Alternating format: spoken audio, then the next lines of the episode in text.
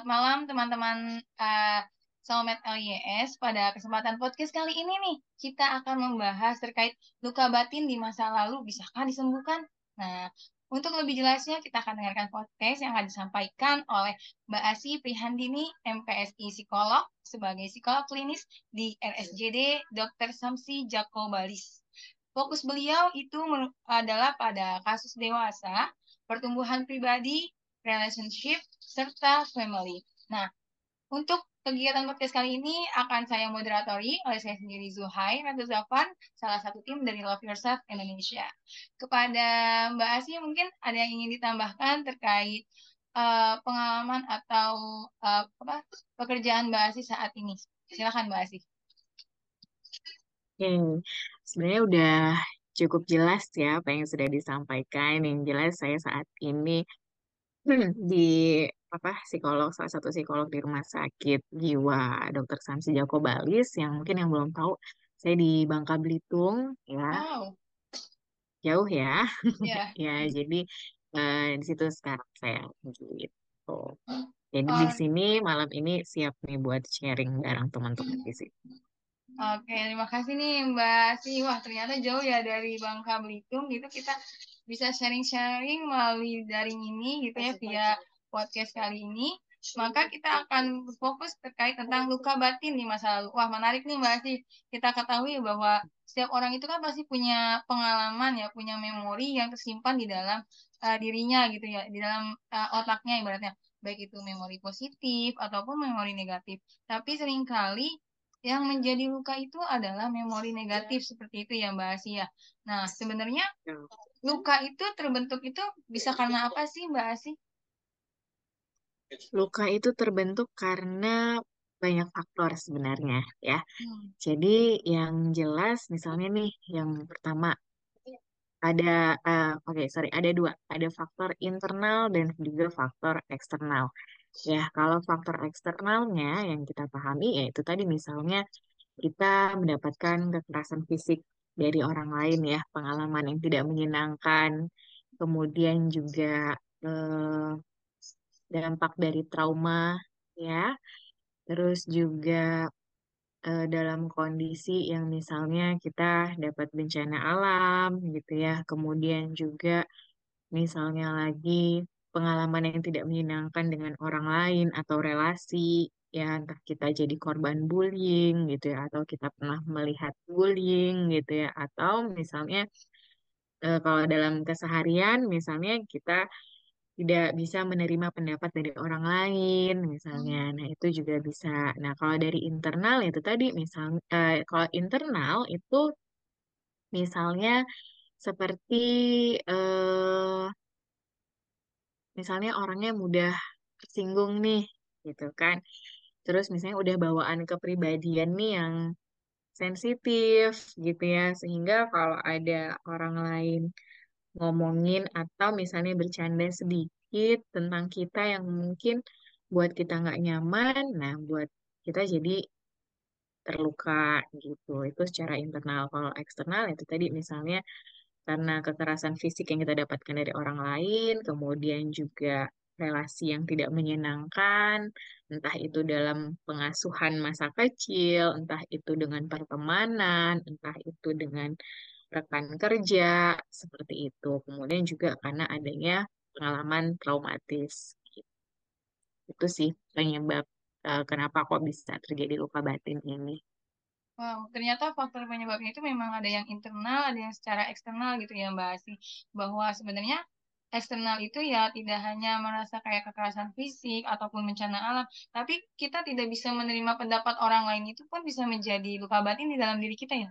Ternyata gitu. Betul, misalnya kita eh, di apa namanya, mungkin misalnya dalam situasi eh, misalnya mahasiswa nih gitu ya, misalnya terus ada teman yang mungkin eh, dari segi ekonomi berbeda misalnya, terus disinggunglah kita gitu misalnya, "Ah, kamu punya barang apa sih yang bisa dipakai atau dilihat ke teman-teman? Nah, misalnya kan begitu kan mungkin ada aja nih yang menyinggung seperti itu. Nah, eh, otomatis yang kitanya juga secara internal misalnya punya kepribadian yang eh, cemas atau misalnya yang sensitif, ya otomatis kan jadi nggak menerima dong pendapat uh, atau perkataan yang sudah disampaikan oleh rekaman kita ini tadi gitu. Jadi membuat kita pasti jadi luka gitu ya, jadi sedih gitu. Nah, respon lukanya ini kan macam-macam. Ada yang sedih, ada yang kemudian marah, ada yang mungkin dipendam. Nah, itu yang kemudian nanti berbeda-beda.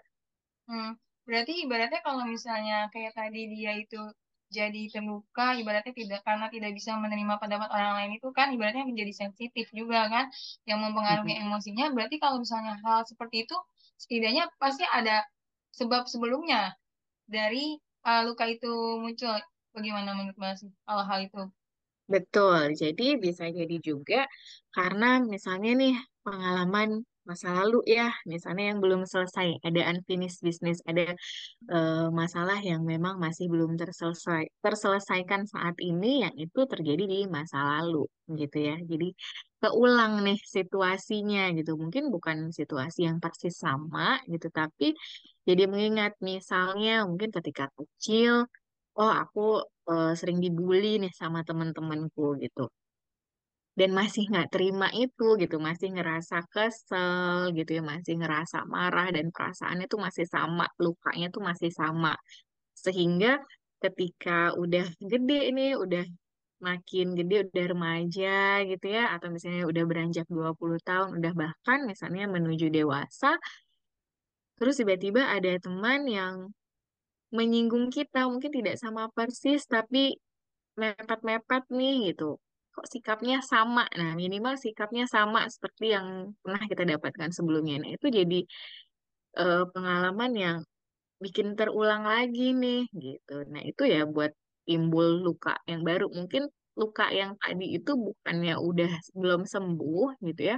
Cuman ditutup aja tapi nggak diplester misalnya kayak luka fisik gitu nggak diplester nggak diobatin nah tiba-tiba ketika dewasa eh, ada teman atau rekan yang misalnya menyinggung itu tadi, jadi ke-trigger gitu bahasa psikologisnya, jadi eh, kebawa nih emosionalnya ke yang lalu gitu. Hmm, jadi ibaratnya uh, kayak kita harus melihat kembali apa apa yang belum selesai di masa lalu sehingga bisa memunculkan Betul, yang saat itu gitu ya Mbak Asia. ya. iya. Jadi memang kita yang harus selesai dulu nih sama masa lalu kita gitu. Jadi kan setiap orang kan punya pengalaman yang pasti beda-beda gitu ya. Dan setiap orang juga punya ketahanan yang juga berbeda-beda dalam menghadapi setiap masalah. Nggak bisa juga kita memaksakan bahwa ya kamu harus selesai dulu nih di masa lalumu gitu kan. Ya mungkin eh, dalam perjalanan kehidupannya dia, entah itu karena faktor lingkungan yang nggak mendukung atau dari kondisi internalnya dia sendiri yang juga memang mungkin punya masalah, eh, misalnya punya kepribadian tertentu, nah itu kan juga bisa mempengaruhi individu ini ya untuk apakah masa lalu yang yang terjadi ini bisa selesai atau bisa dia terima atau enggak. Ini kan masing-masing orang punya proses yang berbeda. Nah, gitu itu sih. Jadi kalau misalnya eh, harus selesai ya memang harus selesai tapi nggak semua orang bisa menyelesaikan itu gitu. Dan butuh proses yang nggak mudah juga gitu. Karena masalah yang berbeda situasi yang berbeda bahkan dari latar belakang lingkungan yang berbeda itu menjadi faktor yang berbeda juga dalam proses eh, penyelesaian masa lalunya gitu. Oke, jadi uh, kalau berarti ngomongin masa lalu nih, apakah masa lalu itu uh, yang membuat kita terluka itu saat ketika kita kecil itu dikatakan sebagai masa lalu atau ketika kita dewasa ini kita baru merasain kayaknya nih gue terluka nih gitu kan. Uh, kayak misalnya saya gitu, waktu itu saya pernah didapetin kata-kata kasar atau kata-kata kotor yang dilemparkan ke saya. Padahal saya ketika saya kecil, saya itu nggak pernah sama sekali mendapatkan kata-kata kasar atau kotor kepada buat diri saya. Tapi ketika saya dewasa ini, saya mendapatkan kata-kata kotor dan uh, kasar itu, terus itu membuat saya kayak terluka gitu, kayak sedih gitu. Itu untuk pertama kalinya saya mendapatkan ibaratnya kata-kata kasar itu kan gitu. Lalu saya mikir, rasanya waktu kecil saya nggak pernah kayak apa nggak dapat luka kayak gitu gitu. Ini ada apa gitu seperti itu. Nah, apakah masa lalu itu uh, dikatakan ketika kita kecil atau ya masa lalu yang berapa tahun ke belakang atau apa yang dikatakan sebagai masa lalu yang bisa menimbulkan luka itu? Masa lalu tuh ya sebenarnya dari kehamilan ya dari kita dalam kandungan itu juga udah bisa dikatakan bagian masa lalu gitu ya dari kita mulai eh, ditiupkan ruh nih ke Hmm? apa ke badannya kita gitu kan ya itu udah jadi masa lalu bahkan misalnya permasalahan-permasalahan yang timbul di dewasa yaitu eh, bisa juga ya disebabkan karena dari proses kandungan, kelahiran, kemudian masa kita bayi, anak-anak gitu ya, remaja, dewasa. Jadi semua situasi yang pernah kita lalui sebelumnya itu adalah bagian dari masa lalunya kita gitu. Jadi kalau dibilang masa lalu itu dari kapan?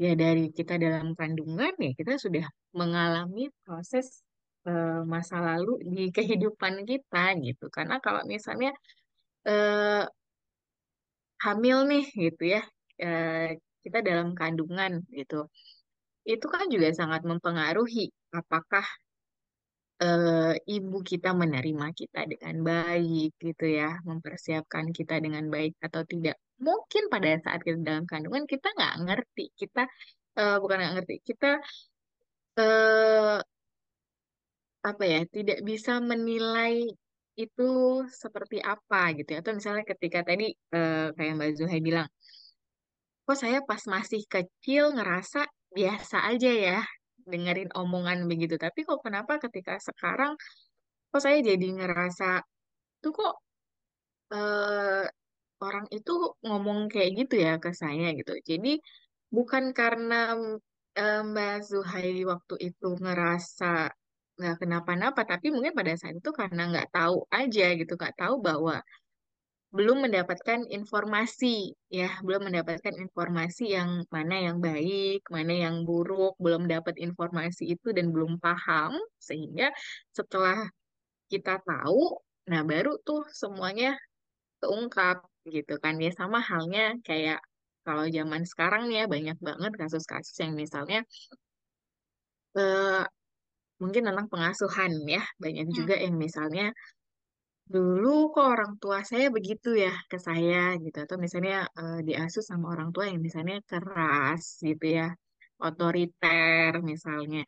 Tapi ketika waktu kecil ya cuman bisanya ya sedih aja, nangis aja, tapi nggak pernah tahu misalnya kok eh, papa tuh jahat, kok mama tuh jahat, nggak pernah terbersit untuk eh, menyampaikan itu misalnya. Tapi ketika makin ke sini, oh iya ya kok dulu orang tua saya mengasuh saya seperti itu ya gitu dan kemudian eh, menyalahkan situasi yang lalu gitu.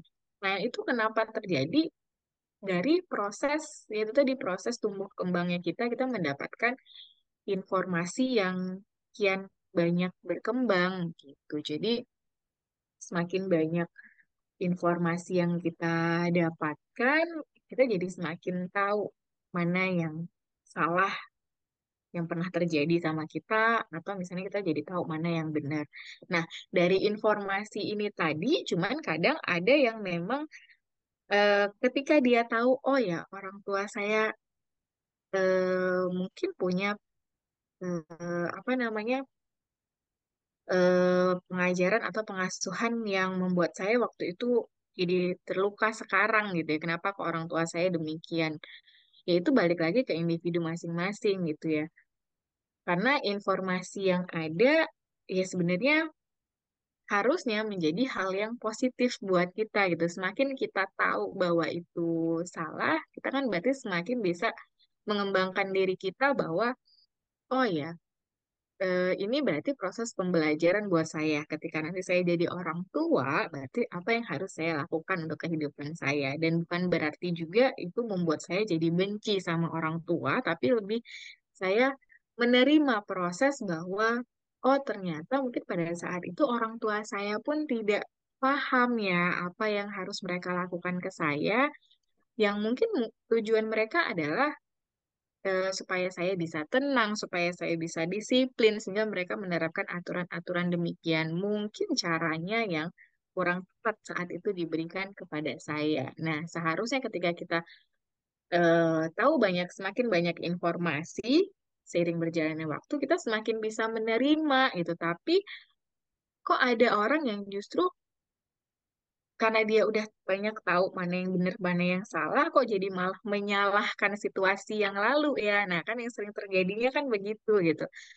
Nah, ketika eh, kita menyalahkan yang lalu berarti kita masih belum bisa menerima gitu loh, belum bisa menerima kondisi saat itu dan sebenarnya saat itu dulu mungkin kita ngerasa nggak nyaman gitu, tapi baru munculnya sekarang.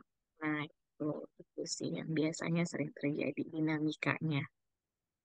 Kalau misalnya kan tadi kan eh, ibaratnya menyalahkan masa lalu ya hmm, Mbak Asih. Nah kalau misalnya dia malah merasa dulu masa lalu aku tuh malah enak gitu, kok malah masa sekarang aku memiliki luka gitu. Nah apakah itu masih ada korelasinya? Eh, ibaratnya luka yang masa lalunya itu belum selesai, tapi baru dia sadari di luka yang sekarang ini, atau memang dianya memang nggak sadar gitu yang tadi eh, apa namanya Mbak Asih katakan bahwa ya waktu dulu itu masa lalu dia belum mengenal berbagai emosi gitu kan. Nah, itu bagaimana? Ya, itu kembali lagi. Proses setiap individu itu berbeda-beda ya. Jadi kalau ada yang bilang kadang roda itu berputar di atas, kadang di bawah, ya itu benar gitu. Dan kita nggak pernah tahu kapan proses kita mendapatkan luka mm, ya. Setiap orang itu beda-beda. Ada yang mungkin dia dari masa janin sampai dengan remaja, yang kata Mbak tadi bilang bahwa eh, aman-aman aja nih nggak pernah ada masalah. Tapi ternyata di kehidupan misalnya dewasanya dia atau ketika dia menikah eh, muncul masalah gitu kan eh, muncul baru muncul luka ya itu memang bisa aja gitu. Jadi luka itu apakah selalu disebabkan oleh masa lalu enggak gitu kan nggak nggak mesti harus selalu dari masa lalu tapi eh, dari hal-hal yang memang tidak menyenangkan, baik itu masa lalu maupun yang saat ini. Yang penting itu tadi yang saya sempat sampaikan di awal. Penyebab luka batin itu adalah pengalaman traumatis, ya. Tapi yang jelas yang sudah terjadi ya, pengalaman traumatis atau misalnya mendapatkan kekerasan fisik, pengasuhan, atau misalnya mendapatkan perilaku bullying, atau bencana alam atau kecelakaan. Yang jelas adalah yang sudah terjadi gitu ya. Kayak misalnya dewasa ya walaupun sudah dewasa saat ini tapi kan sudah terjadi gitu ya. Jadi misalnya kita baru ngerasain luka ketika sudah ada masalah. Nggak mungkin kan kita luka dulu terus masalah baru muncul gitu kan. Pasti ada masalah dulu baru si luka ini muncul gitu. Oke, dapat saya benang merahnya. Oh, ternyata memang intinya luka itu ya terjadi ketika kita mendapatkan hal yang tidak menyenangkan dan itu sudah terjadi gitu ya. Jadi baik itu Iya, masa lalu ataupun di saat dewasa ini gitu ya. Biasanya semua orang berproses melakukan dalam kehidupan seperti itu ya Mbak Asih. iya betul. Jadi yang jelas ya luka batin itu yang jelas dari yang sudah terjadi gitu. Ya kayak misalnya luka fisik aja deh kan nggak mungkin ya kita ujuk-ujuk tiba-tiba ada luka gitu kan. Kalaupun misalnya ada muncul alergi, pasti ada penyebabnya gitu kan. Mis. Kayak gitu. Jadi ya sama aja kayak luka batin ya juga kayak gitu. Nggak mungkin dia ujuk-ujuk, eh, kok tiba-tiba sekarang saya ngerasa sedih ya gitu. Atau misalnya kok tiba-tiba sekarang saya jadi moodnya jadi swingnya gitu. Hmm. Nah nggak mungkin ujuk-ujuk seperti itu gitu. Pasti ada penyebabnya gitu. Nah yang it- penyebabnya apa? Nah itu yang Tiap orang itu berbeda-beda, apakah di masa lalu, apakah baru terjadi beberapa hari, atau bahkan eh, barusan. Nah, itu kan perlu ditelisik lebih jauh lagi, gitu kan. Tiap orang pasti beda-beda, gitu nggak mungkin sama. Oke, berarti memang misalnya dengan kita menyadari luka yang terjadi dalam diri kita, gitu, kita juga perlu belajar untuk mengevaluasi diri gitu ya, Mbak Asih. Nah, lalu gimana Iya, nih, Mbak Asih, dampaknya bagi orang yang mengalami luka batin? Itu dampaknya apakah apa akan seperti bom waktu gitu, atau misalnya dia, uh, misalnya dia sadar tapi ya udah kan udah lewat gitu, aku udah tahu ya udah gitu, misalnya membiarkan gitu itu seperti apa dampak yang terjadinya bagi orang yang membiarkan atau memang nggak tahu tentang luka masa batin. Oke. Dampak dari luka batin. Dampak dari luka batin ini eh, adalah ya dari hal-hal yang buat kita luka ya kalau ketumpuk-tumpuk gitu ya kalau misalnya tadi eh, kata Mbak Zuhai bahwa ah udahlah eh, apa dibiarin aja atau ah udahlah Ya. nanti hilang sendiri lewat gitu ya. Nah, kalau begitu terus menerus itu kan namanya kita menumpuk ya, menumpuk luka. Luka fisik aja kalau misalnya kita ngerasa oh udah ntar nanti sembuh ya tergantung juga apakah memang luka itu eh, munculnya besar atau dia memang ya ringan gitu ya. Kalau luka ringan mungkin lewat gitu aja terus kita eh, bukan lewat ya sebenarnya mungkin kita bisa eh, menemukan solusinya. Misalnya kalau yang luka-luka yang ringan mungkin kita solusinya oh cukup deh aku nonton aja. Cukup aku misalnya nyanyi sendiri nyanyi ini atau misalnya aku cukup jalan-jalan atau cukup aku eh, cerita singkat ke temen aku udah selesai gitu. Tapi ada yang misalnya kalau luka itu parah gitu kan ya, luka batin ini parah terus tidak terselesaikan dengan baik misalnya eh, tidak menemukan solusi yang tepat untuk menyelesaikan masalah ini tadi, ya lukanya akan semakin parah gitu kan, akan semakin membuat kita tuh jadi sedih, bahkan efek yang berkepanjangan, misalnya kalau sedih terus-menerus, ya otomatis nanti muncul eh, perasaan depresi gitu ya, atau merasa bahwa orang lain tidak peduli dengan kita gitu ya. Akhirnya ya udah deh mengurung diri aja, atau malah jadi marah-marah, misalnya ada juga gitu ya. Ini eh, dampaknya juga beda-beda. Ada yang misalnya jadi gampang marah, terus juga eh, istilahnya tuh jadi kalau zaman sekarang tuh misalnya jadi senggol bacok gitu Nah, yang disenggol dikit tuh pengennya tuh eh, marahnya tuh luar biasa gitu jadi pelampiasan. Nah itu bisa juga gitu. Nah kalau sudah begitu gimana gitu? Kalau ya berarti ya larinya ke masalah pada eh, masalah mentalnya nih mentalnya bermasalah ya yaitu tadi jadi muncul depresi cemas gitu ya atau misalnya jadi muncul juga gangguan tidur gitu kan Eh, atau misalnya kayak kasus-kasus trauma itu kan mereka biasanya jadi susah tidur gitu ya atau misalnya malah jadi eh, emosinya jadi nggak terkendali gitu. Nah itu ya bisa aja semua itu terjadi. Oke Mbak Aziz. Jadi kan ngebahas tentang uh, kasus-kasus trauma ini uh, ternyata bisa berawal dari luka. Jadi apakah sebenarnya luka dan trauma itu hal yang berbeda apa uh, kelanjutan as- apa efeknya gitu? Oke, jadi sebenarnya eh, trauma dan luka apa namanya luka batin dan trauma yaitu berbeda ya.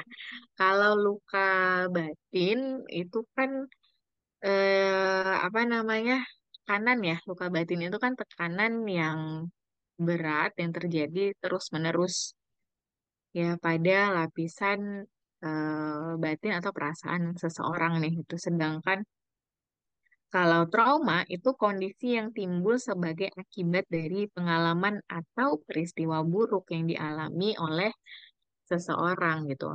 Kalau trauma itu pasti menimbulkan luka batin gitu ya. Tapi nggak semua luka batin itu karena trauma gitu.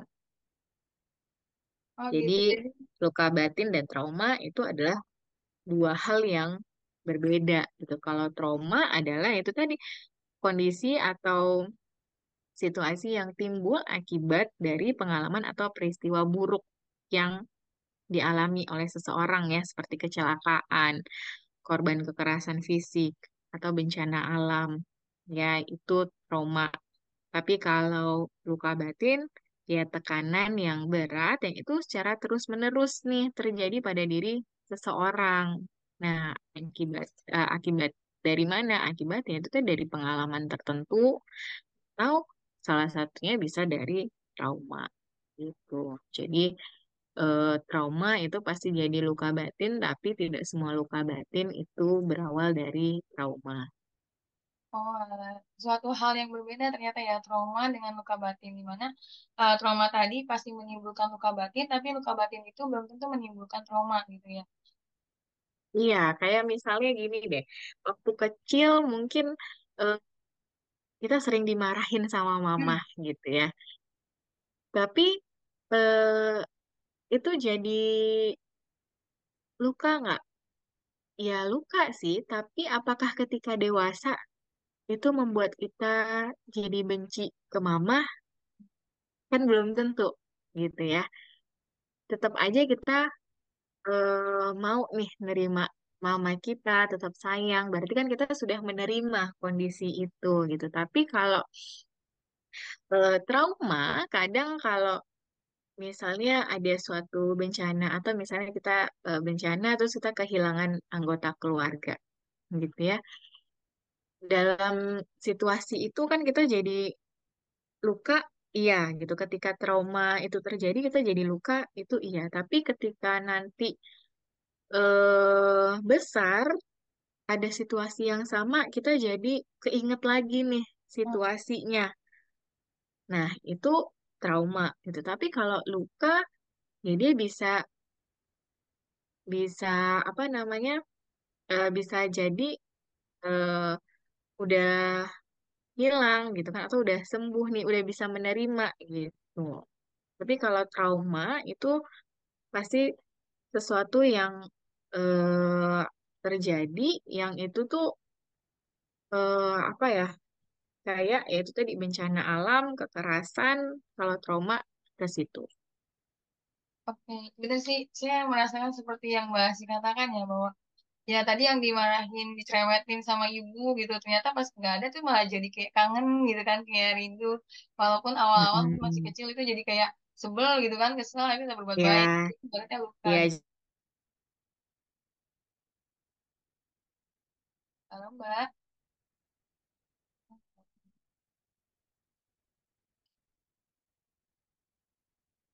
halo Mbak,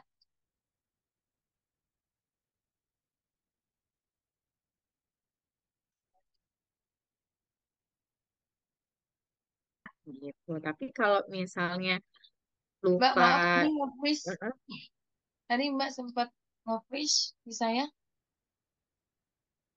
tadi gimana? Tadi Mbak Asih sempat nge-freeze di saya. Oh gitu ya. Iya, udah, eh, jadi saya nggak tahu. Oh ya, sampai mana tuh tadi? Tadi yang kayak apa ya? Ternyata saya di dulu tuh dicerewetin sama ibu saya, tapi ketika nggak ada ya Oh ya, kangen gitu jadinya gitu. Jadi itu ibaratnya buka. Jadi ketika misalnya dulu pas masih kecil begitu, gitu kan, ya karena kita dikasih, diberikan kasih sayang juga sama mama gitu ya. Terus kalau ada apa-apa kita cerita ke mama, jadi ya lukanya nih udah hilang, udah sembuh gitu. Tapi kalau misalnya luka, eh, dan itu bukan trauma ya. Kalau trauma itu misalnya kalau tiba-tiba eh, mama ngebentak yang kita tuh lagi ngapain gitu ya. Eh, atau misalnya kita tiba-tiba melakukan suatu kesalahan nih, terus mama marah luar biasa saat itu, sampai membuat itu tuh ya jadi luka gitu ya. Terus akhirnya kita nggak mau ngomong lagi gitu ya. Nah itu bisa jadi trauma ya bisa juga. Jadi sampai besar kalau tiap kali ada orang eh, kita mau ngomong sama orang terkait pengakuan salahnya kita, kita jadi nggak berani. Itu jadi trauma bisa gitu. Tapi ya itu tadi nggak semua luka itu disebabkan oleh trauma gitu. Oke, Jadi trauma dan luka batin ya memang berbeda. Satu hal yang berbeda ya. Namun, namun Mm-mm. kalau untuk trauma bisa menjadi dari efek yang sebelumnya seperti itu ya Mbak Asih. Ya, yang jelas kalau trauma itu menimbulkan luka batin, tapi luka batin tidak semuanya disebabkan oleh trauma. Oke, lalu bagaimana kalau eh, orang yang memiliki luka batin itu apakah bisa sembuh, Mbak Asih? Nah, ini kembali pada proses individu masing-masing. Sama kayak luka fisik.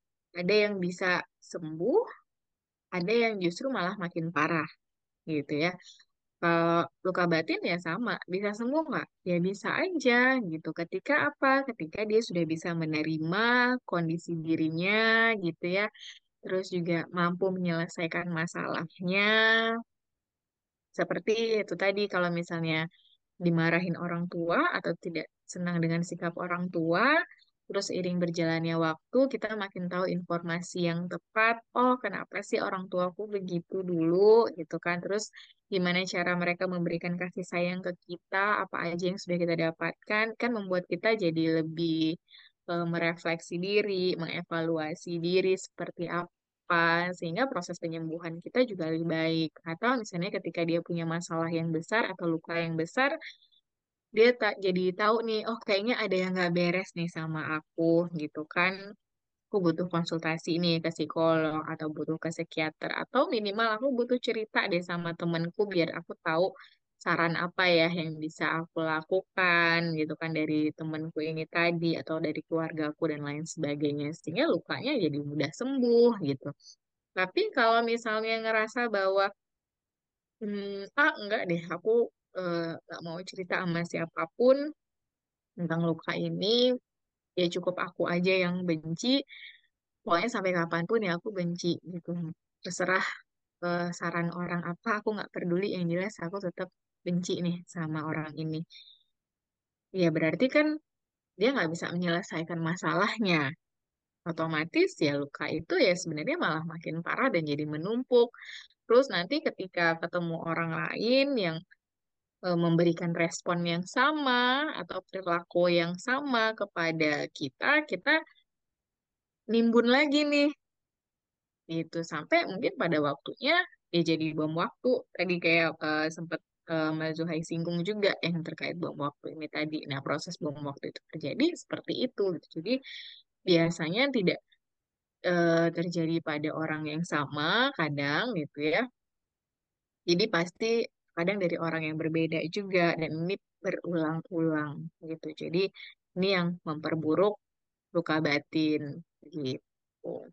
Hmm, jadi eh, luka batin itu eh, ibaratnya yang sudah terjadi itu sebenarnya bisa disembuhkan gitu ya. Tinggal bagaimana diri kita mau berpro- memprosesnya gitu kan, memprosesnya Iya, dengan cara menerima atau bahkan menganalisis, mengevaluasi diri sendiri sama apa yang terjadi. Seperti itu ya Mbak Asita. Iya betul. Dan sebenarnya luka batin ini pun ada penyembuhannya ya secara internal dan eksternal juga. Internal ya seperti yang tadi sudah Mbak Zuhai sebutkan. Kalau eksternal ya dukungan dari keluarga, kerabat, lingkungan itu juga sangat mendukung proses penyembuhan dari luka batin ini gitu. Kayak misalnya korban bully gitu ya. Korban bully ketika lingkungannya memberikan support yang baik gitu ya. Misalnya pelakunya juga diberikan hukuman gitu ya. Terus juga orang tua kita eh, mungkin ada kerabat atau keluarga yang juga mendukung proses eh, memperbaiki situasi, maka si korban bully ini akan ngerasa lebih tenang gitu dan dia lebih bisa survive ke depannya gitu dibandingkan korban bully yang tidak mendapatkan dukungan kecuali dari internal dia tuh sudah eh, paham betul gitu. Oke, berarti eh, lalu untuk cara sembuh dari luka batin itu kalau misalnya eh, ternyata dukungan dari keluarga itu tidak mendukung gitu kan atau kerabat malah malah bisa memojokkan dari orang yang punya luka batin itu. Eh, kira-kira ada cara lainnya nggak? Maksudnya bahasan untuk gimana sih cara sembuhnya dari luka batin selain yang disebutkan oleh Mbak Asi tadi gitu. Ada tambahan. Oke, cara sembuh dari luka batin ketika memang nggak ada faktor eksternal ya, ya otomatis memang dari faktor internal dan kita harus sadar. Jadi luka batin itu memang proses penyembuhannya adalah memang si individu ini mau berubah gitu. Kalau dari eksternalnya nggak ada sama sekali gitu ya, di internalnya dia mau berubah atau enggak.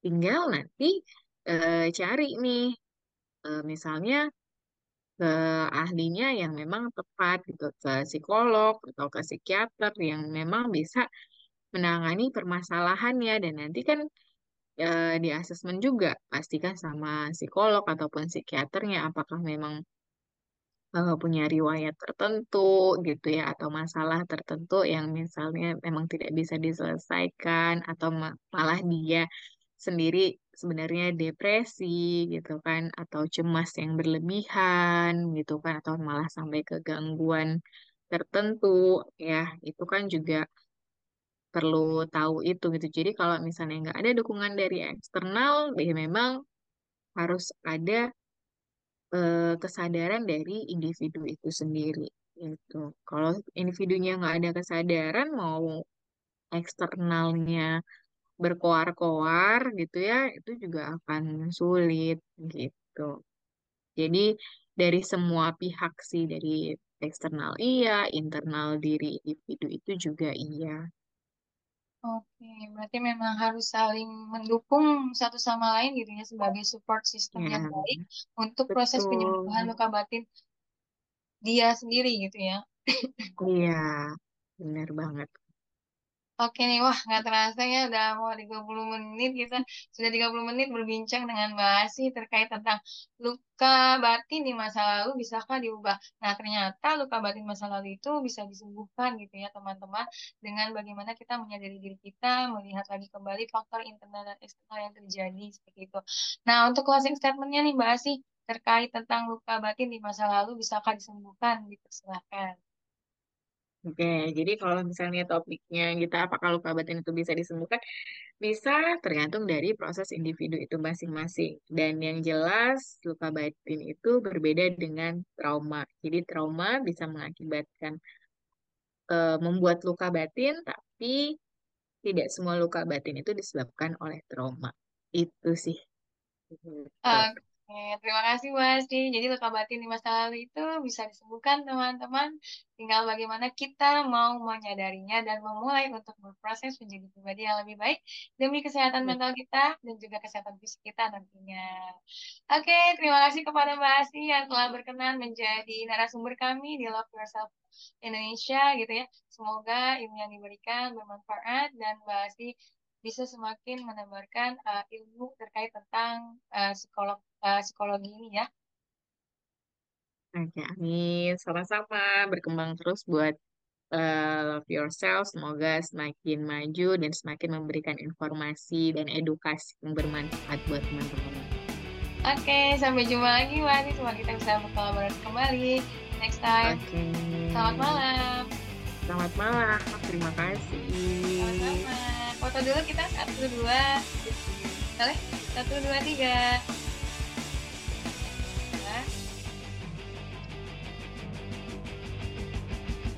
Oke. Sudah. Terima kasih Mbak Asi. Sampai jumpa Ya, sama-sama Mbak Zuhai. Terima kasih kembali. Selamat. Assalamualaikum. Waalaikumsalam warahmatullahi wabarakatuh. Oke, saya izin meeting.